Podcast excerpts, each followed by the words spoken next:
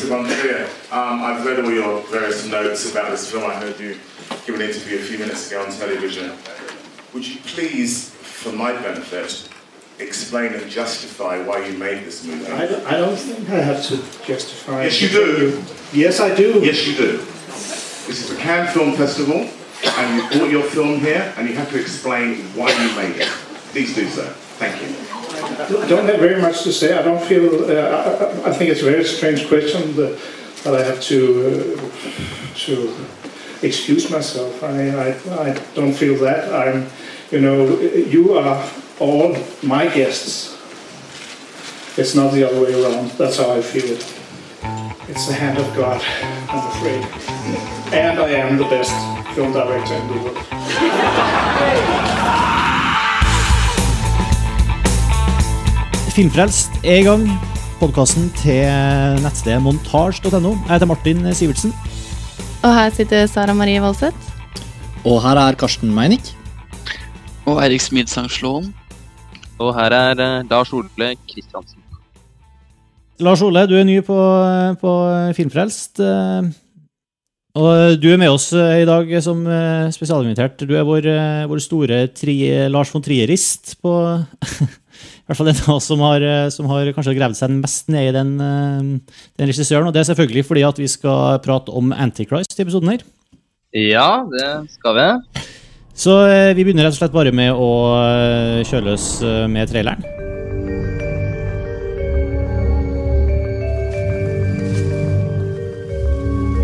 My grief pattern is atypical. I think it gives you too much medication.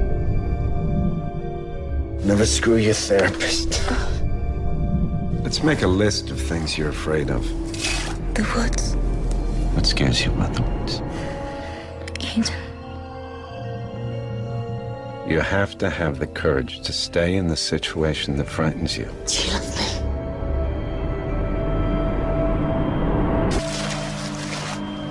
I'm fine. The ground is burning. The ground is not burning. Your thoughts distort reality. Everything that used to be beautiful about Eden was perhaps hideous. That's what fear is.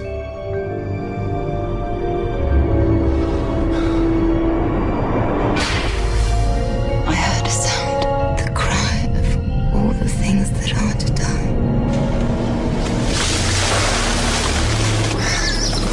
Nature is Satan's church. Do you know what you're saying? You shouldn't underestimate Eden. Think is supposed to happen in the woods.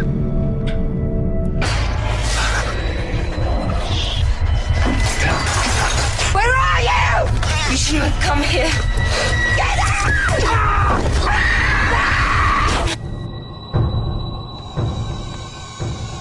Ja, nå har vi sett eh, Antichrist eh, alle sammen. Noen av oss har sett den flere ganger. Det er en film som vi har eh, si, Det var vel den filmen som fikk mest medieomtale etter eh, Cannes-festivalen. Litt rar medieomtale, kan vi kanskje si, etter å ha sett filmen.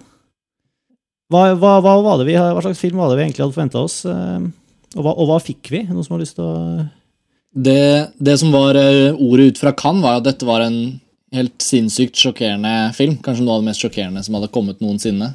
Med grafiske bilder og, og en film som delte publikum veldig, eller særlig kritikerne, da, i Cannes. At det var liksom noen som mente det var et mesterverk, og andre som mente det var noe av det mest håpløse de hadde sett. En helt fullstendig eh, tåpelig film som bare gjorde narr av seeren. Eh, og pressekonferansen ble jo veldig levende. Vi har jo vært inne på dette litt i tidligere episoder. Selve reaksjonene fra Cannes. Så da, men det, det leder jo til visse forventninger, da. Eh, og det jo, kommer vi jo sikkert inn på i løpet av episoden. at eh, Eller jeg opplever i hvert fall at filmen er ganske annerledes enn det som eh, man kan tolke ut fra de reaksjonene fra Cannes, da. Men vi kunne kanskje gå litt inn på rett og slett bare handlingen først, kanskje? Ja. Eh, Utgangspunktet for filmen, eh, rent sånn storymessig, er at et, et par, et ud, hovedpersonen har ikke navn, det er bare ham og henne. I åpningsscenen så, så er det en vakker eh, åpningsscene i, i herlig svart-hvitt og slow motion, hvor, de, eh, hvor eh, det er kryssklippa mellom at de har, eh, har sex, og at deres veldig unge barn kryper ut av lekegrinda si og ut av stuevinduet i jeg vet ikke om det er tredje eller fjerde etasje, eller hva det er for noe, og stuper til sin død. Det er en, eh, en sekvens som liksom setter, setter liksom hele, hele filmen, da, hvor, resten av filmen er eh, er det her paret som, eh, som kommer til Som prøver å håndtere sin egen skyldfølelse og sin egen sorg. Og det gjør de ved å dra til skogen på en slags sånn terapeutisk hyttetur. Det var, det var kanskje en, en banal måte å oppsummere den filmen på, men det, var, det er det egentlig det, det som er det, de ytre rammene her. Og det skjer selvfølgelig veldig mye forferdelige ting på etter hvert, eh, kan du si. Så, så det er jo kanskje det som gjør at den har fått det her horrorstempelet. Men uh, vi er vel alle enige om at det er feil å kalle det en horrorfilm? Uh, jeg vil jo kalle det et psykologisk drama. Mm, Det foregår jo riktignok i en utpreget horrorsetting. Det- Og det blir jo på en måte en slags Han, han flørter jo med horrorsjangeren i, i filmen, men det er på ingen måte Den følger ikke konvensjonene for den sjangeren tett nok til at man kan kunne kategorisere den som, som noen skrekkfilm. Så jeg syns det blir, er, veldig, er veldig feil. Da. Det er en, en dramafilm, syns jeg. Og den er jo opp, oppbygd på en litt sånn eh, sånn eh, eh, sånn von Triersk sedvanlig måte, egentlig. Da, med, altså, liksom, den er oppdelt i kapitler og, og har veldig sånn, sånn klare Du føler litt at du sitter på skolebenken her eh, også, på en måte. Ikke minst siden kapitlene er opptalt med, med sånn tittelskjermer med kritt på tavle. Det er ofte sj- sjangre, sånn som vi snakket om nå. Altså, det kan jo være ofte en fin lede, ledetråd for publikum da, for å finne ut hva slags film de skal gå og se. Og det å, det jo, altså, Antichrist, da det ble lansert for noen år siden, ble jo kjørt ut som liksom, von Trier. Nå skulle han endelig lage en kommers horrorfilm for å, for å uh, få penger til å lage det han egentlig vil lage av kunstnerisk film. Men det han har endt opp med å lage, er jo kanskje sin aller mest kunstnerisk eller ikke kanskje kunstnerisk, men i hvert fall en veldig, veldig utfordrende film som absolutt ikke ha, uh, har kommersielle hensyn. Uh, og den sjangerknaggen som har hengt ved den som horrorfilm, har jo på en måte forsvunnet helt, samtidig som den fremdeles fungerer som markedsføring. da. Senest i kveld så, så jeg noen skrive om den filmen på en amerikansk horrorblogg, hvor det liksom var liksom kanskje en av årets viktigste horrorfilmer.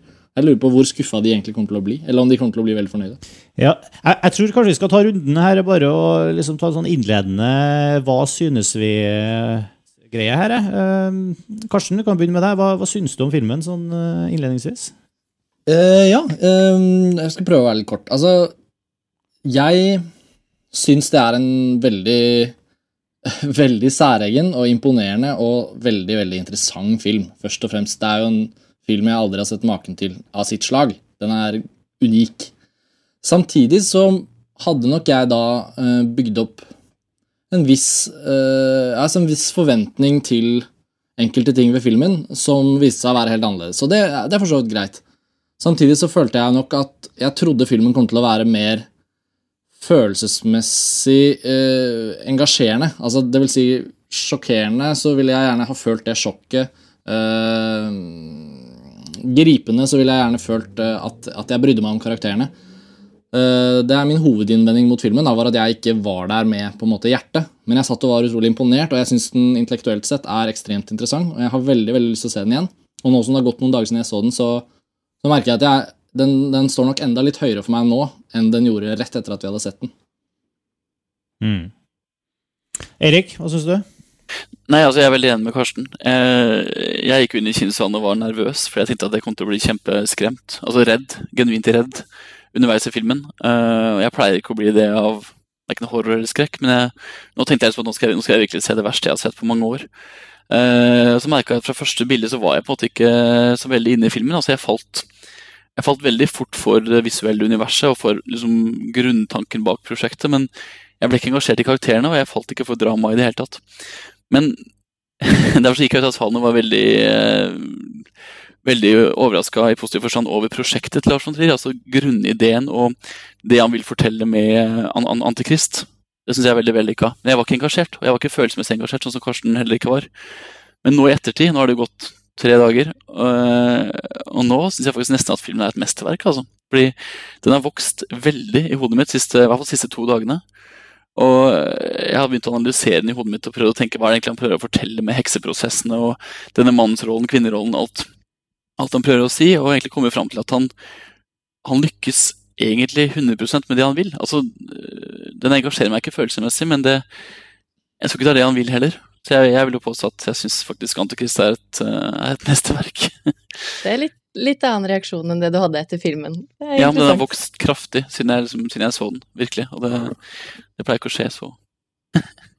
Sara, er du enig? Er det et mesterverk? Um, jeg veit ikke. Jeg ble jo følelsesmessig engasjert i filmen på den måten at jeg ble ufattelig irritert. Jeg ble bare Jeg satt der og irriterte meg helt sykt over den regissøren som kunne framstille et kvinnemenneske på den forferdelig patetiske måten han gjorde. Så jeg ble jo engasjert. Og jeg ble etter, i ettertid, som jeg skal, da skulle fortelle om filmen til andre, så merka jeg at jeg ble, fikk den derre en eller annen sånn følelse som bare jeg ikke fikk under filmen i det hele tatt, for jeg har hørt om folk som bare ble helt lamslått av filmen og ble kvalme og syntes den var helt fæl, og det syns jeg ikke i det hele tatt der og da. Men i ettertid så er det sånn åh, nei, jeg har ikke noe lyst til å fortelle så veldig mye mer om den, for det er et eller annet sånn uh, Det er et eller annet uggent med den når den irritasjonen la seg. Men et mesterverk, det er liksom ja, Nei. Men det er et eller annet ved den som jeg ikke klarer å sette fingeren på, som var bra, men så er det et eller annet større som er åh, så irriterende. Men det er jo, ja, den engasjerer jo, da, sånn sett. Så Veit ikke helt hva jeg skal si om den. Jo, men det, det er bra nok. Det er en god start. Lars Ole, Ja, du er fornøyd? Du, du så den jo faktisk to ganger. det har jeg. Jeg har fått sett den to ganger, og det syns jeg er veldig Det er jeg veldig glad for.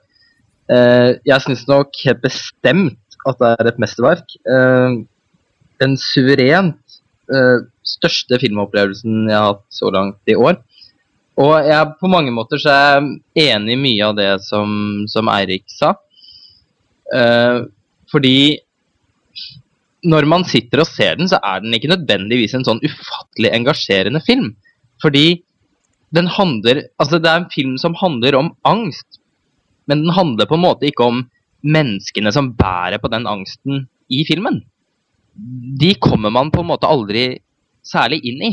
Det er mer en slags ufattelig vemmelig presentasjon av noen eh, tablåer hvor, eh, hvor angsten ligger som en sånn slags febertåke.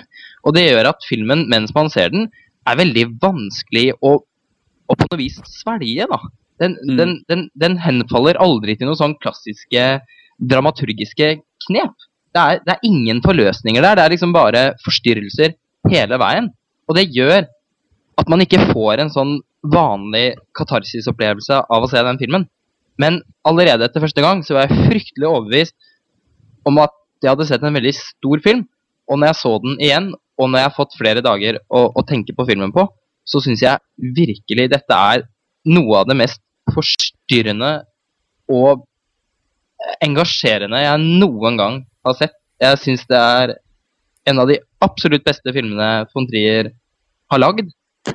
Og jeg syns den har noen ambisjoner og, og noen ideer som, som faktisk påminner meg om de virkelig store mesterne som i europeisk film fra, fra 60- og, og 70-tallet, kanskje spesielt 60-tallet, som, som Bergman, Tarkovskij, Pasolini. Altså Jeg syns det er en film på det nivå. Og Den var jo dedikert til Tar- Tarkovskij. Tarkovskij. Ja, det var på noe vis prikken over i-en etter det sluttbildet. Men det, det er fra, fra min side, må jeg bare få understreke at det i seg selv er et veld, et latterlig stort kompliment å gi en film anno 2009. Ja, det var ikke småtteri. Og du da, Martin? Nei, eh, jeg, hadde veldig veldig sansen for den filmen. her. Altså, jeg satt liksom og grua meg mye av filmen fordi man hadde hørt så mye om den. Det var liksom litt à la det du sa, Karsten. At eh, jeg satt på en måte og, og, og venta og bli Og jeg, jeg reagerte jo fysisk. Jeg merka at jeg satt her og kaldsvetta i perioder, sånn, men, men jeg er kanskje mest overraska over at jeg ble sittende og se litt på filmen med, med halvt øye mens jeg tenkte veldig mye. Og der følte jeg at filmen var, var veldig sånn mektig, da, for at eh, På ene sida så er von Trier veldig direkte og veldig sånn All symbolikken og alle virkemidlene hans er veldig sånn rett på sak, da. Eh, Men eh, og og lite, altså han, staver det til og med ut for deg liksom, i mange møter. Han, får, liksom, han sier det rett ut, men samtidig så er det så mye mye i filmen. og så, den er så rik og så full av ting å ta tak i på, på, på liksom så mange nivåer, både, både tematisk og, og visuelt og, og handlingsmessig, at, at jeg jeg skulle til å si, altså Det er ikke en utilgjengelig film, fordi, i den forstand at det, jeg tror det er veldig mye mange innfallsvinkler til å like den filmen her og få noe ut av den. Og Enten man er liksom opptatt av, eh, av religion, eller man er opptatt av historie, eller man er opptatt av eh, av, eh, Kjønnsroller. Ja, kjønnsroller er også altså, Det var jo også en hard film å se, syns jeg, men eh, jeg likte den kjempegodt. Altså, en skikkelig eh, annerledes filmopplevelse. Absolutt. Er det jeg som er mest negativ? Altså? Det hadde jeg ikke trodd. Jeg, jeg syns det er så rart å høre det dere sier nå, i forhold til hva dere sa med en gang vi hadde sett filmen. For da var det sånn, stemningen var litt sånn øh, Nei, uff. Nei, det var ikke det vi skulle se. Eller det var ikke det vi hadde forventa. Men nå, etter noen dager, så virker det som den har liksom vokst. Og det er sånn spennende. Da må jeg jo se den på ny for å se om jeg ser den nå igjen. Men jeg har ikke noe lyst til å se den på ny, for den irriterte meg fremdeles. Altså det, det, nå så vi sammen filmen sammen, alle sammen. bare så det er sagt. Vi har jo snakka masse om den før også, så vi, jo- vi vet jo veldig godt hva alle tenker om den filmen. her, og det er jo interessant, fordi Jeg var jo veldig krystallklar på én ting etter at vi gikk ut, og det var det at jeg beundra veldig prosjektet til Lars von Trier. Altså Jeg beundra grunnideen i Antikrist. Eh, og det er akkurat den tingen, altså ambisjonen, ikke minst. Vi snakker om Tarkovskij, som også hadde store altså Det å kunne liksom lage en film som er så ambisiøs i Skandinavia, da, tørre å tørre å gå i gang med et prosjekt som på mange måter er så kompromissløst eh, og så stort. For det er ganske episk i- altså i tema i denne filmen. Eh, det er så beundringsverdig, og det var jeg imponert over da også. Men det har bare vokst så enormt de siste dagene. Altså Nå sitter jeg med følelsen av at det kanskje det her er den ultimate eh, kjønnsrollefilmen anno 2009. liksom. For et kjønnsrollemønster han da viser da. Fy søren. Ja, men Det er jo- det akkurat det han gjør. Altså, når, vi blir, når vi blir så provosert av en kvinnerolle, av en, eller av en kvinnekarakter og en mannskarakter, så han treffer jo et eller annet. Ja. Virkelig, liksom. Men, men, men, men bare for å si det, det var det jeg syns er så kult med filmen. at For meg så handla ikke denne filmen om kjønnsroller i hele tatt. Jeg satt ikke og tenkte på det. For meg så var det, handla det om eh, en sånn dyp eksistensiell angst liksom i møte med Som er liksom mellom uh, ras, rasjonalitet og, eh, og naturens kaos, uh, som eksemplifisert ved, ved mann og kvinne. Ja, men det er jo mann og kvinne i Eden. Det heter jo Eden. Det kan ikke bli mer kjønnsroller. Altså, det her er virkelig altså Adam som passer på kvinnen, Eva, som får angst og forsvinner inn i sin egen verden, i Eden. Ja, men det er jo så Det er nesten karikert kjønnsrolle. Jo, men det som jeg har av, av eksistensiell angst, da, er ikke kjønnsrolledrevet. Det har ikke noe med det å gjøre for meg, i hvert fall. Sånn, når jeg sitter og ser på det. Så, Men det tror jeg har med å gjøre at filmen er såpass rik som den er. da. Men eh, jeg må jo også si meg enig med, med, med Eirik. at For meg også handler filmen veldig mye om den kjønnskampen. Men i motsetning til, eh, til mange av de som syns at dette er en veldig sånn kvinnefiendtlig film, så syns jeg faktisk det er altså, heller motsatt, syns jeg. Jeg syns at uh, hun Charlotte Gainsborough-karakteren var på noe vis veldig flott framstilt. Den som den som er idioten her, syns jeg utvilsomt er denne mannen. Og da må vi heller ikke glemme at filmen er et utrolig spark mot psykiatrien og hele psykiatridiskursen. Den latterliggjør jo uh, altså psykiatriske metoder, og, den, og de blir jo da forbundet til denne mannen som har denne slags ekle, litt, og litt sånn stusslig overlegne maskuline omsorgsrollen, da, som han forsøker å teste ut på, på, på kona si. Jeg syns han framstår veldig patetisk i den filmen her. ja, men han, han, er, han er jo alltid rasjonell og litt maktesløs på en måte overfor eh, alt det som, eh, som du ser i huet. da. Han, han, han, han, blir bare, han blir bare hersa med. Liksom. Han, han, han, han klarer ikke å passe inn i pyramiden sin. Og han, det er liksom, han, Jo, men det er jo ikke, det er jo ikke han som blir hersa med. Det er det jo ikke. Jeg føler faktisk at hun er den som blir hersa med, fordi at Ja. jeg føler at han undervurderer henne. da. Mm, helt enig. Han er, han er, han er, han er altså de, de der psykologiske metodene som han bruker, altså det med å klatre fra stein til stein, det er jo ikke akkurat rasjonelle metoder. De virker veldig ir, ir, irrasjonelle. Og, det er, og, han, og han styrer jo henne fullstendig i hele filmen. Fram til et visst punkt, da, selvfølgelig. Men uh, det er virkelig hun som blir hersa med. Og Ja, men hun, hun, hun blir jo hersa med, som vi alle blir, av, av, av, eh, av det kaoset i hele, i hele eksistensen, altså i, i naturen. Som er, altså, hun, hun, er jo, hun er jo drevet av, av, av ja, hun, blir jo, hun følger jo på en måte bare Hun er jo drift, driftdrevet. Han er Ja, og hun- ja. Hun viser jo en, en slags kraft, da. Som, som han aldri har. Altså, han, han framstår jo som en som har forlest seg på noe, på noe litteratur, og som forsøker å lage et slags, et slags liv. Ja, men, de, men det er akkurat det. De er jo så karikert at eh, jeg klarte ikke å se på dem som noe annet enn en, en symboler for, for hver sin eh, Altså for den grunnleggende dualismen, liksom, som, er, som, er, liksom, er, som transcenderer på en måte all, all religion. og Det er jo det som er splittelsen i, i, i syndefallet. Og liksom det er det er, jo, det er jo natur mot, mot, eh, mot det er jo kunnskapen. Altså Det er i hvert fall billedgjort ved mann og kvinne. Ja, ja, og det er det filmen gjør. Det er derfor, altså, føler jeg da, er, altså, Den tar den superrasjonelle mannen og den irrasjonelle kvinnen, og ikke minst, ikke glem, altså, det er jo morsrollen her. Det handler om tap av et barn. ikke sant? Og jeg mener det er jo tap av barn fremført, eller fremstilt på den mest brutale måten med dyr. Altså dyr som mister barn da, ikke sant, i filmen. Eh, For meg er det her virkelig Det er morsrolle kontra farsrolle. Det er ektemann kontra kone. Det er liksom kjønnsrollemønster. Opp og ned i mente for meg, det her, altså. Virkelig. Alle barna i filmen blir jo rett og slett på en eller annen måte drept. Mm. Og det er ganske eh, et veldig viktig element ved filmen, syns jeg. Som, som uh, aksentuerer hele henne, da. Og den slags ansvarsfraskrivelsen også, som Mm. hun, som hun, bærer, som hun bærer på dårlig samvittighet for etter at sønnen faktisk har valgt å ta livet sitt. Alt dette, alt dette vi snakker om nå, er egentlig hovedgrunnen til at jeg føler at filmen har vokst etter hvert som dagene har gått siden jeg så den. Fordi, som du sier, Martin, så er karakterene såpass karikerte, da, eller såpass tydelige eksempler på sin, på en måte, altså sitt kjønn eller sin rolle. Eller liksom, er sånn, de er veldig tydelige. De skal fortelle noe. Og det var jo den karikaturen på en måte som ligger litt sånn opp i dagen, den var vel medvirkende sikkert til at jeg ikke engasjerte meg i selve filmopplevelsen mens jeg hadde den. Samtidig så er det jo nettopp det at han klarer å gjøre tematikken Tematikken blir så godt uh, diskutert, på en måte, da, i filmens scener. Underforstått. Sånn at du, hvis du tenker litt på den, hvis du er villig til å la filmen øh, bli noe du prosesserer rent sånn intellektuelt og emosjonelt i dagene som går du, Jeg har gått og tenkt mye på situasjoner i filmen liksom Åh, hva kan det minne om? Eller hvordan, altså det blir veldig sånn, den, den, den påvirker litt hvordan man tenker på tematikken, rett og slett. Og det er jo et mesterstykke, eh, for å bruke dette ordet igjen. At, eh, at det ikke bare er en film, rett og slett. At han på mange måter klarer å, å gjøre det til noe mer enn bare opplevelse i øyeblikket, da, som jo er det veldig mye av den filmen vi diskuterer i disse episodene, og det vi ser til vanlig, er. Det er liksom øyeblikksopplevelsen. Men jeg tror kanskje det er derfor jeg har begynt å sette så pris på den filmen her, fordi fordi den, er, eh, den, den har kjempeambisjoner på vegne av sitt eget innhold. da.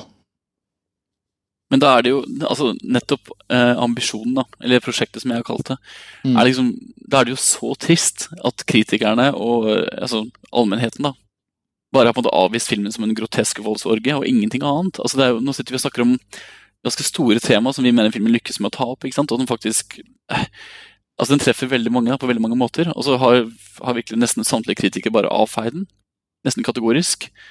Volden her er verken umotivert eller eh, spekulativ, liksom. Den Ja, er, den er veldig, veldig logisk. den er hard og brutal, men, eh, og veldig, den er veldig til stede, liksom, men, men det er ikke det, ja, vi skjønner veldig godt hvorfor det er der. Altså, den er fullstendig fundamentert i karakterutvikling og, og plottet. Altså det, når, det først skjedde, så vi, vi visste jo hva som skulle skje, for vi hadde jo lest om kjønnslemlestelse og hva verre er.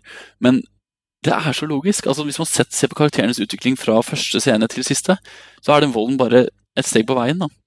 Og den er grafisk, og den er nærbilder, men den, den føles fullstendig på sin plass. Ja, for, og han spekulerer aldri i den. den er, det, er heller, det er gjort en, med en slags veldig ekkel nøkternhet, syns jeg. Jeg syns det minner om volden i f.eks. Zalo av Pasolini. da. Ja, som også er kjent som en skandalefilm. Men så når man ser den, så så kan jo ikke volden der sammenlignes med noe man kan se i, i en ganske vanlig splatter-film.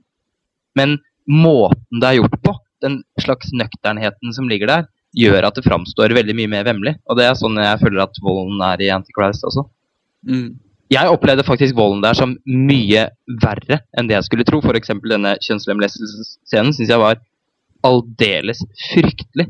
Men det hadde ikke noe med å Det hadde rett og slett med å gjøre at jeg syns den var så mye mindre spektakulær da, enn det jeg hadde sett for meg.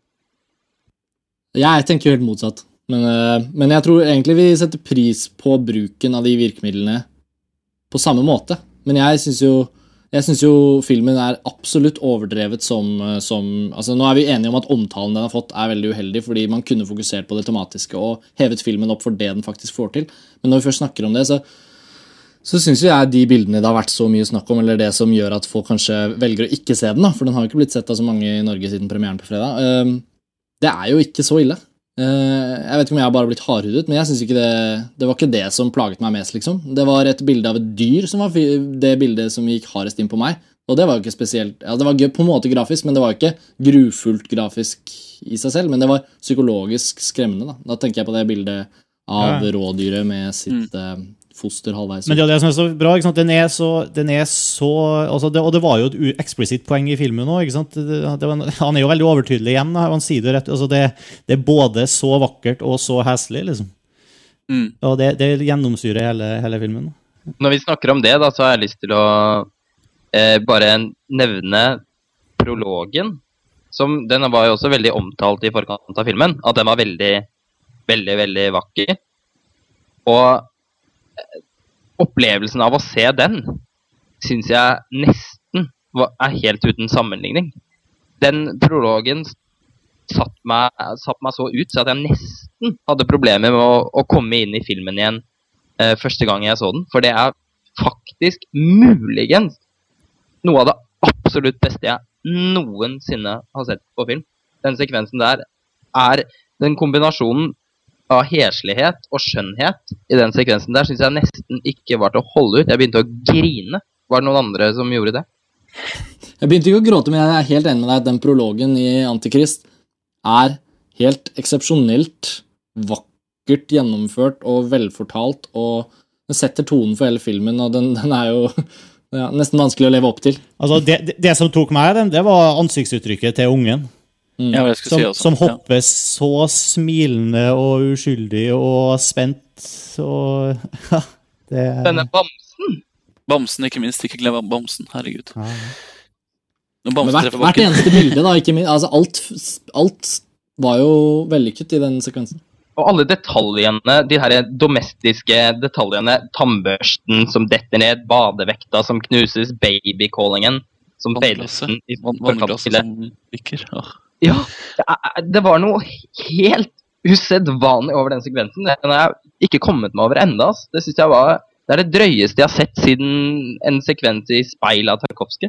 Jeg Mm. skjønner godt at han har viet filmen til han.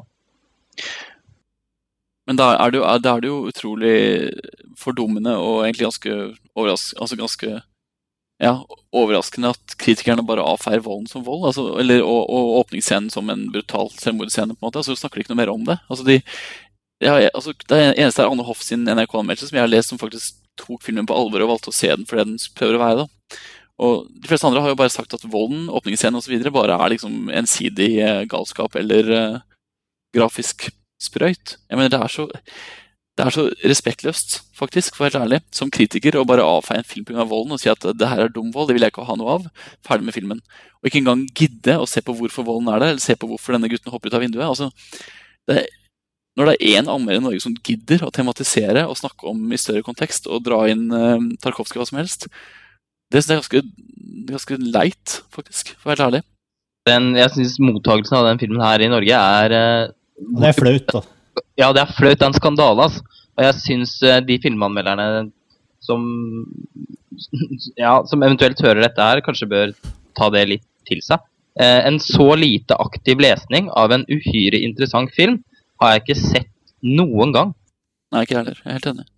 Du tenker ikke tilfeldigvis på Norges største avis da, eller? hva? Nei, den var overhodet ikke Altså, jeg syns jo den terningkast én som Jon Selås leverte fra Cannes til Antikrist, er nesten mest motiverende anmeldelsen for å se filmen. Som, uh, av de som dukket opp fra Cannes, da. Altså, Filmen har neppe vært skadelidende av, eh, av den omtalen. Sam- samtidig så var det jo helt tomt i kinosalen da vi så den. Det var en enorm sal. og Dagen før hadde vi vært og sett Terminator Salvation, og der var jo stappfullt. Jo, men, jo, men det, er så, det, er så, det er så synd altså, det, er, altså, det er kanskje motiverende for en film som kaller føtter, og som gå og se ut for en terningkast, men ikke for Antikrist. Jeg er ikke enig i det hele tatt. fordi for det første, Du ser den i Cannes, du ser den med et publikum, du er på pressekonferansen, du får med deg en kontekst, du får med deg noe du skjønner kommer til å bli nevnt om ti år. Og så er det Jon Selås, og så gir du den én i ternekast, og så, da er du ganske respektløs. Enkelt og greit. Og det motiverer, ikke meg til å se filmen at den får en i avisene. i Det hele tatt. Det som er så synd, at det finnes ikke et medium nå faktisk i Norge, bortsett fra kanskje Filmfrelst og Montasj, hvor noen kan følge opp den kritikken. Ja, men det er ingen I all ingen ærbødighet.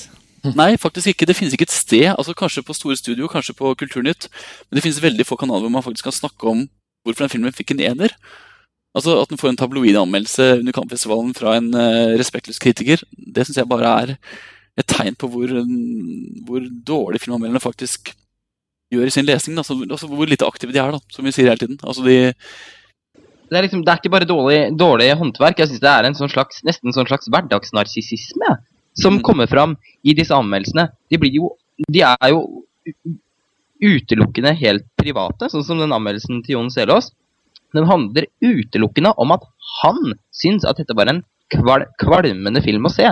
Han trekker jo fram i anmeldelsen sin at han syns den er fascinerende, interessant, mangefasettert. Jeg husker ikke alle, alle ordene Ja, den her, jeg tenkte jeg skulle sitere litt fra den, men eh, ja. Ja, men likevel så avslår han totalt, fordi han syns at selve opplevelsen av å se den var så forstyrrende i forhold til hva han ønsket hva han ønsket seg. Det syns jeg er ufattelig interessant, eller uinteressant, å trykke i Norges største avis. Men jeg syns også det er da interessant å, måte, å tenke når de anmeldelsene ble skrevet. Hvis de ble skrevet med en gang, så ville jeg ha sagt noe helt annet med en gang etter filmen. Selvfølgelig, jeg har noe av de samme tankene, det er ikke det, men nå, nå har den, som dere sier også, den har synket inn. Altså, må man da få anmeldelsen med en gang uten at den får synke inn til, i publikum? Er det, er det det filmene skal gjøre? Skal det liksom være en sånn engangsopplevelse, der og da-opplevelse? En sånn film som den her er jo ikke en der og da-opplevelse, som dere da har poengtert flere ganger, at det er en film som trenger litt tid, fordi det er så mye under, og det er så mye mer, og det er så mye tanker som blir stilt, eller som man kan stille seg selv etterpå, om andre temaer enn nettopp den derre øyeblikksopplevelsen. Så da er det Paradokset, det du kommer inn på, Sara, er, utrolig, er et veldig godt poeng. da, og paradokset ligger jo Vi skal ikke legge hele den diskusjonen her nå, men, men det er jo ingen tvil om at når man sender noen for å dekke en filmfestival, så har man liksom to valg. Man kan, man kan ta den derre bloggstilen. For jeg syns Jon Selås har skrevet litt, et litt sånn subjektivt blogginnlegg om sin opplevelse av å se Antikrist den dagen han så den. Uh, mens, uh, og, og det er det de satser på, da. Og når de vet at filmen har premiere noen uker etterpå, så går det faktisk an å tenke seg gjennom og gå på en pressevisning og se den om igjen. Og ta film så seriøst, da. Og så komme med en ordentlig tekst om en film som faktisk i skandinavisk filmhistorie tror jeg blir stående som ganske essensiell. Mens for eksempel så fins det da andre folk fra andre land hvor de satser annerledes, som, som setter seg ned i Cannes og skriver analytisk. For jeg leste analytisk stoff om Antikrist under festivalen, men det var ikke de norske skribentene som leverte det. Det er en del bra i Danmark, i hvert fall. Danmark, ja, absolutt. absolutt. Ja, ikke sant? For eksempel. Da kan man jo faktisk spørre seg spørsmålet eh, Er danske kritikere med å hjelpe fram regissører, f.eks.? Er danske kritikere flinke til å, å gi regissørene faktisk eh, debattforum? Altså skape rom rundt eh, å lage kritisk film? Mens i Norge så er vi fordummende altså Filmkritikerne bare avfeier kategorisk hvis det er vold i den, så her er det aldri rom for å diskutere noe lenger. Har vi kanskje noe å lære av danske kritikere? Vi, altså, jeg vet ikke. Ja, det tror jeg absolutt. Det tror jeg vi har. og Hvis vi bare ser på måten de dekte Cannes-festivalen på som helhet, da, så var jo den veldig mye sterkere enn dekningen i norsk presse. Og de, Mm. ikke minst så så de også alle filmene veldig i forhold til hvilke som sto bak. De hadde et veldig sånn autørkritisk perspektiv på alt de så, som jeg syns er ganske kledelig når man dekker en såpass autørpreget festival som Cannes. Ja. Men la oss, la oss, la oss, gå, til, la oss gå, gå tilbake til filmen, da. 'Antikrist'. Ja. Er det, er det lov å diskutere slutten, eller? Ja, Nå sier du jo fra, så da syns jeg vi skal gjøre det. ja. Eller hadde du noe å tilføre før vi kom dit, Sara?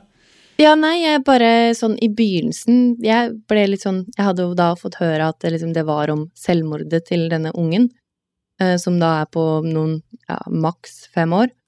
Og jeg klarte ikke å se på det som selvmord. Jeg liksom Så dere alle det som sånn et helt klart tydelig selvmord? At det var et bevisst selvmord? Nei, jeg så ikke på det som hele tiden. Jeg hadde ikke lest at det skulle vært selvmord. Jeg tenkte ikke på det i det hele tatt.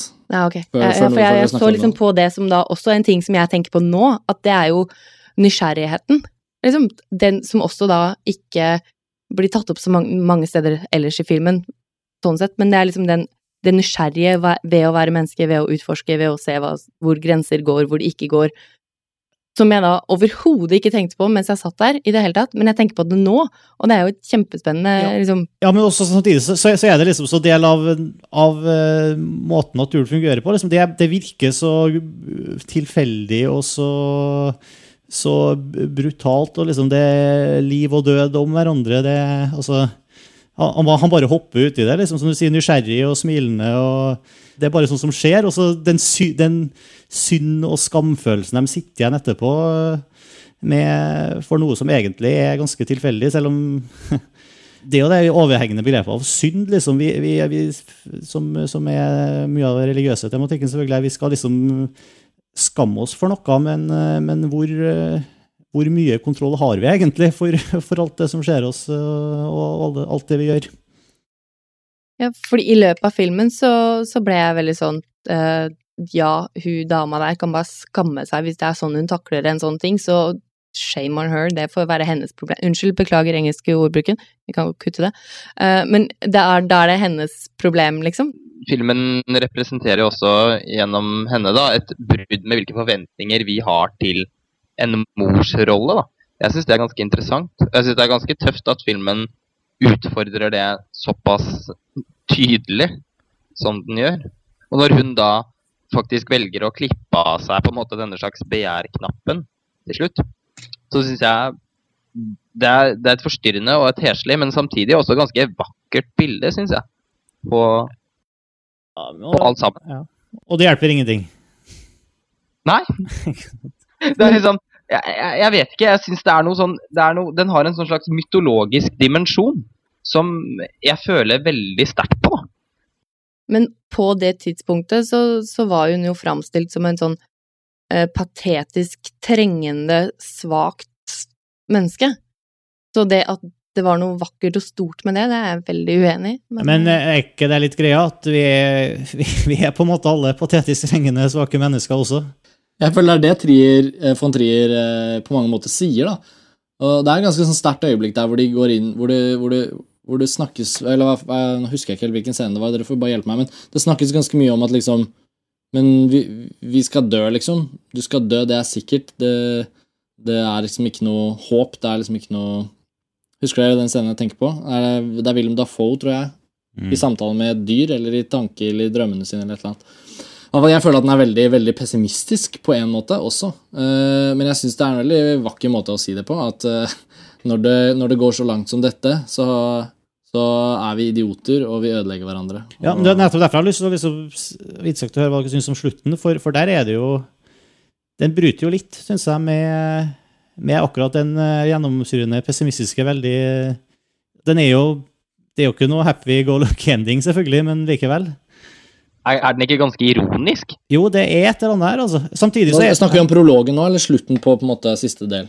Epilogen Ja, Unnskyld, unnskyld, unnskyld, ja, selvfølgelig. Epilogen. ja. Uh, Altså, jeg syns jeg syns jo den er ganske morsom, jeg. når han kom eh, Eller er det lov å spoile hva som Kan ikke si alt fra nå av, så kan vi spoile litt. eh, Så hvis folk ikke har, ikke har lyst til å vite hva som skjer på slutten, så kan dere godt skru av. Jeg tror dere har fått med oss brorparten av det vi har å, å si. om- Altså, han, han, han kommer jo hinkende ut av denne skogen som denne slags mannen som har fått, litt, fått med seg en slags erfaring. Og så stopper han jo og spiser noe bær. En sånn slags natur... Men det jo- naturens frukt, mens han ser disse tre dyra som liksom hilser litt blidt på han. Jeg syns det var veldig flott. Ja.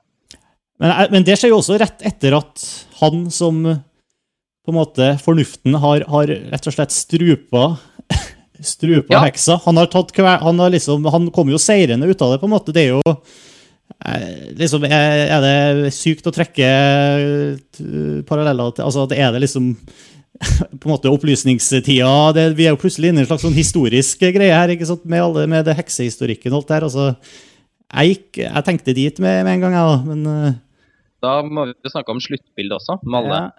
kvinnene som kommer. Og det var på en måte eh, dimensjonen kanskje som jeg satte minst pris på uh, i filmen. men eh, det var, Jeg følte ikke at jeg trengte helt å komme inn i det her, men når det først var der, så var det interessant å se på det. Men jeg, jeg følte at det, det tok meg litt ut av det veldig nære forholdet jeg hadde til det som skjedde, til den Altså, det, det her hele heksehistorie og, um, Eller den historiske dimensjonen og tok meg liksom litt ut av den, den nærheten jeg følte lå der. da. Men, Jeg syns det er med på å gjøre filmen mer ekkel. Jeg, det, jeg, jeg syns den dimensjonen der funker veldig godt. Jeg synes det, og jeg syns at det gjør hennes karakter veldig skremmende. Da. Jeg, jeg syns eh, Jeg var veldig redd for henne under hele filmen.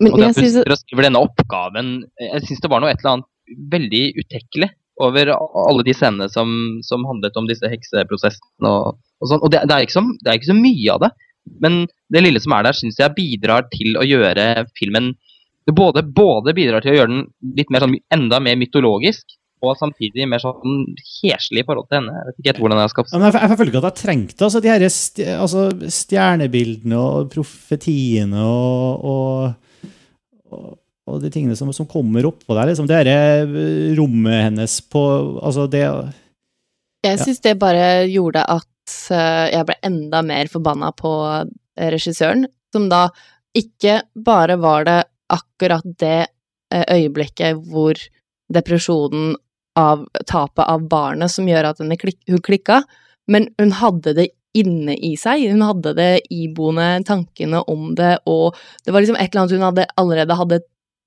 hadde som karakter, da. Da ble jeg bare enda mer irritert og enda mer sint. At det går an å liksom ikke si at ok, det her kan være et eller annet som skjer på grunn av en tragisk hendelse, og et eller annet klikker. Men Nei, hadde det er ikke det. mye Det er tidlig tidlig. da hadde det jo vært mye mindre interessant, syns jeg. Og er ikke det her egentlig også et, et spennende paradoks i forhold til noen tidligere von Trier-roller? Han har jo tidligere lefla veldig mye med disse gullhjerteideene. Von Trier er jo ekstremt inspirert av Walt Disney. Det ser man jo også i Antichrist. Jeg ser på disse snakk... Jeg liker i hvert fall for meg selv å se på disse snakkende dyra som et slags lite sånn Disney-element oppi alt sammen. Bambi og Nei, nei om det, kan kanskje. men, uh, men hvis man ser på den gullhjertetrilogien hans, da, eh, 'Breaking the Waves', 'Idiotene', 'Dancer in the Dark', så har han jo kvinneroller som er så bunnløst gode, da. Eh, At de på en måte Og de, de, de ender jo i en slags fordervelse, de også. Men han har jo tidligere portrettert kvinnen som, noe nest, som en sånn, nesten sånn, sånn gullmaterie. Eh, at han nå viser kvinnen som noe eh, opprinnelig ondt, syns jeg han må få lov til. Ja, men da, det betyr jo at han klarte noe, da, for han klarte å provosere meg, definitivt. Jo, men jeg, jeg, jeg, men jeg, jeg skjønner ikke hva hva det ble provosert av, Sara, akkurat på det med hekseprosessene. Jeg skjønner ikke helt hva du mener. Nei, men ehm, det at det var ikke en ting som skjedde der ute i skogen som gjorde at hun gikk inn i sin psykotiske verden. Det var noe som hun faktisk hadde boende i seg. Det var noe som både hun og historien av da tidligere kvinner og tidligere Som de da også tar opp, det med ondskapen i kvinnene. At det var noe som lå der, som var iboende, da. Som som da ikke bare gjelder da denne karakteren i denne filmen, men det gjelder sånn generelt, liksom. Jeg følte at det her var laget av en regissør som generelt var fly forbanna på og, Eller generelt ville portrettere kvinner som Men, Vake? Det var nettopp derfor jeg så ikke på det som ondskapen i kvinnen. i det hele tatt. Liksom. Jeg så det på det som ondskapen i meg, på en måte.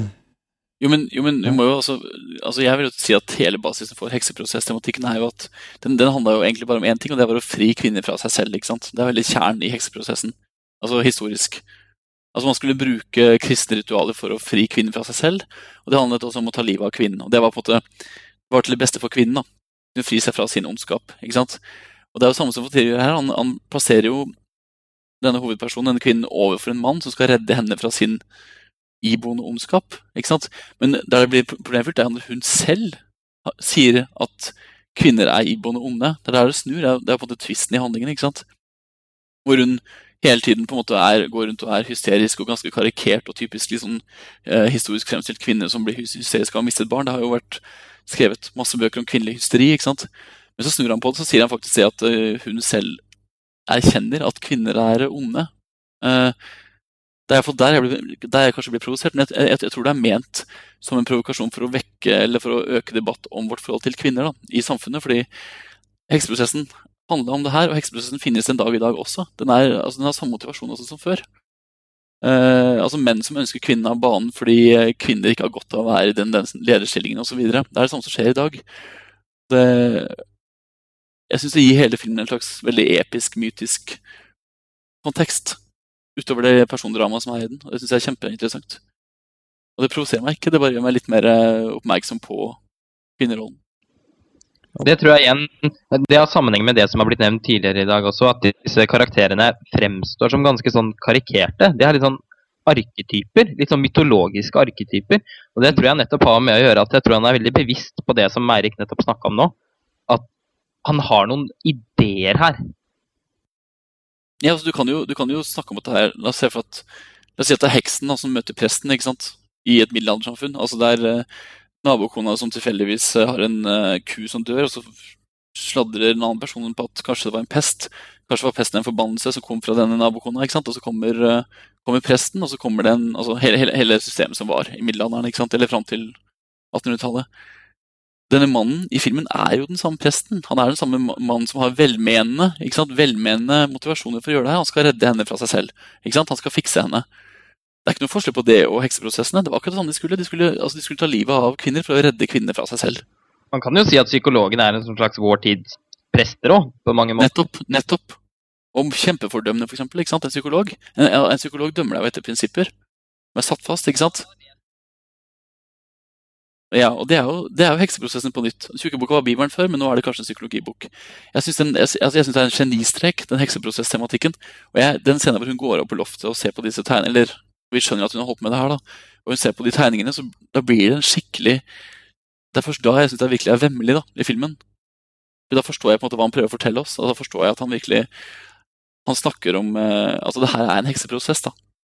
Det handler om hekseprosess imellom eh, et, et ektepar. Men jeg tror det handler, om, det handler om ganske mange ting. Det er så, det er så kult at, at den har alle disse her eh, knaggene å, å henge det på. Det, den største grunnen til at jeg reagerte på akkurat det greia, var at jeg følte, jeg, litt jeg følte at jeg kom litt i en sånn eh, Nå plutselig oppdager vi klipparkivet til seriemorderdelen av filmen som, som Det ble litt sånn nesten litt klisjé, da, syns jeg. Men det er det jo på en måte en del Som vi sier, det er jo mye karikaturer her. Det er jo mye sånn som grenser til klisjeer, men de er satt sammen på en måte som er vanskelig å ta det på den måten med en gang, da. Det gjelder jo også alle von Triers Eller i hvert fall de aller fleste av von Triers filmer er jo ekstremt karikerte og, og, og overtydelige og gjerne litt sånn plumpe. Gjerne litt flaue å se også. Det er noe av det som, som også er von Trier sitt prosjekt, tror jeg, er å utfordre tilskueren hele tiden.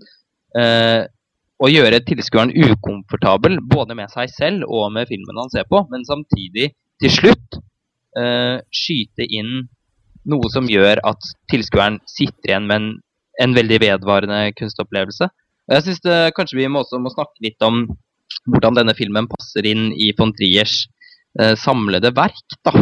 Mm. Uh, jeg syns det er interessant at for første gang siden Europatrilogien, som består av forbrytelsens element, Epidemic og Europa, så eh, løser jo på en måte von Trier opp tøylene sine. da. Og eh, siden, eh, siden den gang så har jo von Trier hatt et veldig sånn kontinuerlig og beundringsverdig prosjekt, hvor han på en måte har brutt ned filmens språk. Han har lagt fra seg veldig denne slags eh, Tarkovskij-inspirasjon som han var veldig preget av i de første filmene sine. Han har liksom gått vekk fra et veldig sånn forførende, parfymert filmspråk til noe veldig sånn rått og brutalt. Selvfølgelig toppet av, av Dogme 95, da. Eh, men nå, når han lager en film basert på sin egen ja, vi må vel nesten si galskap, så slipper han plutselig opp disse tøylene da, fra å ha hatt sitt mest, aller mest stringente prosjekt med Amerikatrilogien, med Dogville og Mandrelay, så, går, så bare slipper han alle tøylene og lager en film hvor han blander ulike stiler, kaster inn uh, det, symboler Altså det er, det er nesten sånn en slags, slags manierisme inni den filmen her, opplever jeg. Mm. Som, som er en veldig interessant krasj med de siste filmene hans, og spesielt hvis man da også tenker på liksom, tematikken og motivasjonen hans for å lage den filmen her, som faktisk var en sånn slags form for selvhelbredelse, da. Da kan man også snakke om eh, det visuelle, da, foto-fotoarbeidet, i så måte. Det er jo fantastisk, så ja. Ja, det er ja, det er virkelig, altså fotoarbeid er jo Syns jeg er ene og alene grunn til å se filmen, da. Hvis man, altså, hvis man, ikke, altså, hvis man ikke vil se den pga. jo kritikk, så må man se den pga. fotoarbeid i så fall. For det, det, går ikke an å avfeie det fotoarbeidet, vil jeg si. Det, det er jo manieristisk også, Lars Ole. Vi snakker om det. Altså, det er jo vilt, altså, sånn I forhold til en, en kunsthistorisk gjennomgang av Antikrist, da, så er det, det er så mye kunsthistoriske ambisjoner i prosjektet også, som man kunne snakket om i flere timer. altså Hvordan han skaper disse dyrebildene. ikke sant? Uh, det er kjempebarokt. og det, altså, Hele lyssettingen er jo det, det, ligner ikke på noe annet jeg har sett da, faktisk på, på film på, som jeg kan huske. Nei, det er veldig Det er, det er nettopp Jeg, jeg får, får, også følelsen av at det er en sånn slags det, det, er en veldig kunsthistorisk bevissthet her. Og det, og veldig, veldig. Og det fremgår også veldig tydelig at Lars von Trier en gang har vært maler, syns jeg. For det har han jo vært. Han har jo også uh, han har malt seg gjennom kunsthistorien ganske sånn hurtig og slurvete, tror jeg. Men han har vært veldig inni det. Og jeg syns det er veldig tydelig at det er en sånn kunstner, eller en filmkunstner som griper litt tilbake til, til penslene sine. Ja, og, og prøver litt ulike ting. Mm. Ah, ja. På mange måter så, bare sånn helt kort, på mange måter så syns jeg på en måte dette er den minst teoretiske von Trier-filmen jeg har sett siden Europatrilogien. Det er det som er veldig gøy. Altså, er den, er jo, den kan ikke spikres på en teori. Da. Den kan liksom ikke si Verken i sjanger eller i, i uh, narrasjonsteori. Altså, det, kan ikke, det, kan ikke, festes på noen knagg, vil jeg påstå. Den filmen her. Fordi den er så psykologisk omfattende. Da. Altså, den handler om så veldig mange temaer. Så en analyse av den vil nesten måtte fri seg fra de fleste sånne filmvitenskapelige kommisjoner. Da. Bare bli en psykologisk studie. Så Den har jo så mange knagger, vil jeg nesten si. da. Jo, men, det, jo, men det, no, no, altså, De fleste filmer kan du sette inn i en konvensjon og si Enten i forhold til sjanger eller i forhold til uh, narrativ fremdrift. Eller du kan si at snakke om karakter, karakterutvikling, men den her er så fri fra alt det. Og som vi snakket om i starten, den, den følger jo ingen narrative kon konvensjoner i det hele tatt. Den er liksom helt løs. Samtidig så er den jo Den faller jo aldri, fra hverandre, for den, den, vil jo tydelig et sted. Ikke sant? Men på veien så har den sveiferen innom, innom så utrolig mange forskjellige tema at det blir ren psykologi der på lerretet. Og i motsetning til tidligere von Trier-filmer, som også frigjør seg veldig fra klassiske mm, filmkonvensjoner, så gjør ikke denne det med ideen om å gjøre det, føler jeg. Altså, det føles veldig mye mer spontant. Mm. Og, mer, og, mye mer vilt. Jo, men, men samtidig så, så gjør han jo veldig poeng ut av strukturen sin og, og temaene sine ved å, ved å, skrive dem på tavla for oss. Punktvis og, og kapittelinndelt, liksom. Men det er ikke, det er ikke narrativ konvensjon, ikke sant? Det er ikke det, han, det er ikke det han gjør med det. Jeg føler faktisk også at det også kan tolkes litt ironisk hen. Ja. Til, altså Von Trier er jo en, også en av de mest selvbevisste filmskaperne vi har. Og den her veldig didaktiske naturen som nesten alle filmene hans har. Mm. Uh, at jeg føler nesten at det også kan tolkes som en slags ironisk gest. Ja, at han skriver alle mellomtitlene på denne skoletavla. Han er jo læreren. Han er jo verdens beste regissør. Ja, og det er med rette, altså. Av regissører som vi har i dag, så syns jeg kanskje han har litt rett, ja. Hvis jeg, ja, men altså, jeg, jeg, altså Hvis man tenker på hvilke forbilder von Trier har, og, og, hvilken generasjon med filmskapere som han er inspirert av og beundrer, som jo er Dreyer, Bergman, Tarkovskij, eh, Pasolini, Fassbinder nå, selvfølgelig, De tilhører ikke samme generasjon, da, men jeg snakker om disse liksom gamle, klassiske europeiske filmmesterne. Så syns jeg faktisk det er ganske naturlig at han står, at han står bak den kommentaren. Eh, ingen andre hadde jo turt å si det, men jeg er ganske sikker på at han kan finne på å mene det, og jeg syns han kan mene det med rette. Altså. Jeg syns faktisk at ordet beste er veldig feil. da. Det kan være med på største, men ikke beste. Ja, ok, det kan jeg være litt enig i, men uh... Fordi, altså, hadde han vært smart, så hadde han- hadde han kalt seg kanskje verdens største regissør. Men han er jo ikke verdens beste regissør. Det er han jo ikke. Fordi det, det blir altfor allment. Men største kan han faktisk få lov til å være hvis han vil det. For det kan jeg si jeg nesten være enig med. ja, det, det der, jeg, jeg er enig i at han burde bytta om på de to orda. Mm. Ja, ja. yes, eh, skal vi oppsummere eh, kanskje den her eh, Antichrist-filmfrelst-episoden? Jeg syns vi har kommet eh, ganske godt nedi den. En ting jeg har lyst til å bare skyte inn da, er at jeg tror virkelig dette er en film som fortsetter å være interessant å snakke om selv. Nå har vi snakket om den i en time, og vi snakket om den flere timer etter å ha sett den. Og jeg tror vi kan lage en ny podkast om den når den kommer på DVD. Og jeg tror vi vil fremdeles ha noe nytt og interessant å snakke om så lenge vi har fått eh, anledning til å tenke gjennom den. Da. Og det er jo det beste komplimentet jeg kan gi til denne filmen. Selv om jeg fremdeles føler at den ikke var så uh, fullstendig tilfredsstillende, så, fullstendig tilfredsstillende som jeg trodde den skulle være. Men jeg tror den kommer til å vare og vare og vokse og vokse. Veldig enig akkurat der. Da får vi også håpe at von Trier Han pleier ofte å lage veldig fete DVD-utgivelser. Han er veldig glad i å snakke om seg selv og sine egne prosjekter. Så vi får jo håpe at vi får en DVD òg som, uh, som kan gi et innblikk i hele den prosessen her. Det håper jeg i hvert fall jeg veldig på. Jeg er helt enig. Helt sikkert en film eh, som vi, vi kommer bare til å høre med, som kommer til å bli viktigere og viktigere etter hvert som tida går, tror jeg. Ja, og det er første også, det var første liksom, av, av alle de filmene jeg har sett i år, så er dette, og egentlig kanskje de siste ja, siste halvannet året eller hva som helst, uh, dette er en film som med en gang føles som en filmhistorisk begivenhet. da. Den skriver seg inn i filmhistorien med blod, med en gang. Det er ganske sjeldent jeg opplever. Da er det jo, da er det jo veldig avslutningsvis veldig trist å bare måtte påpeke igjen at det ikke finnes en nok norsk eh, kritikerstand som faktisk kan gjøre publikum oppmerksom på hvorfor de bør se den da, i Norge. Hvis det er så, hvis, altså hvis folk faktisk nå går glipp av filmhistorie på kino, så mener jeg at filmkritikerne burde være såpass utdanna og kompetente og oppegående at de får med seg det og skjønner det, ser konturene av det, og dermed varsler publikum at nå må dere gå og se denne filmen. Og, og, og, det betyr jo ikke bare at alle skal være enige om at den er betydningsfull på samme måten som vi har vært, fordi jeg tror det, det vil uansett være veldig mange som virkelig misliker denne filmen. Men jeg syns ikke de som har mislikt den, har klart å forklare eller begrunne det godt nok ved å ta filmen seriøst. da. Og det, Da blir det jo heller ikke noen interessant diskusjon ut av det, som det virkelig ligger til grunn for. da.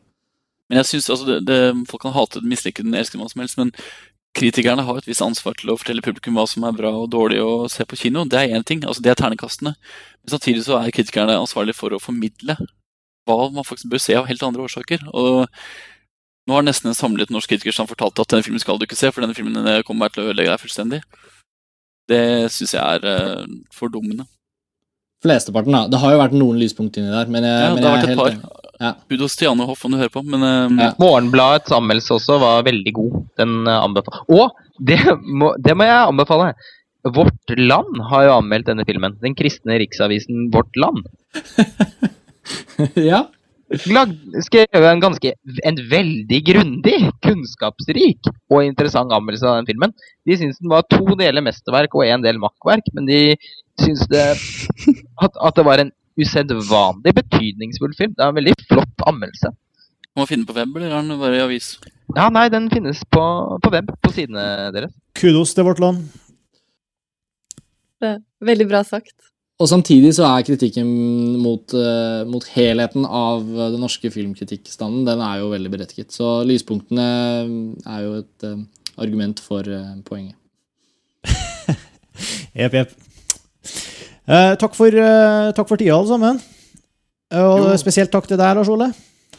Eh, jo, det var bare morsomt. Du må absolutt være med oss eh, ved en senere eh, podkast, og da med bedre mikrofon. Og Ja, forhåpentligvis. bedre opprigga. Um, Filmfrelst er tilbake om en uke. Da, da skal vi prate om Terminator Salvation. Så eh, inntil da, hei så lenge. Ha det bra! Ha det. Ha det bra. Bra. Filmfrelst er en ukentlig podkast fra det norske filmnettstedet montasj.no. montages.no. Vi er alltid glad for tilbakemeldinger, enten i kommentarspaltene på montasj.no slash filmfrelst, eller på mail til filmfrelst at montasj.no. Og musikken du hører nå, er fra Ping. Hør mer på thepingpage.com.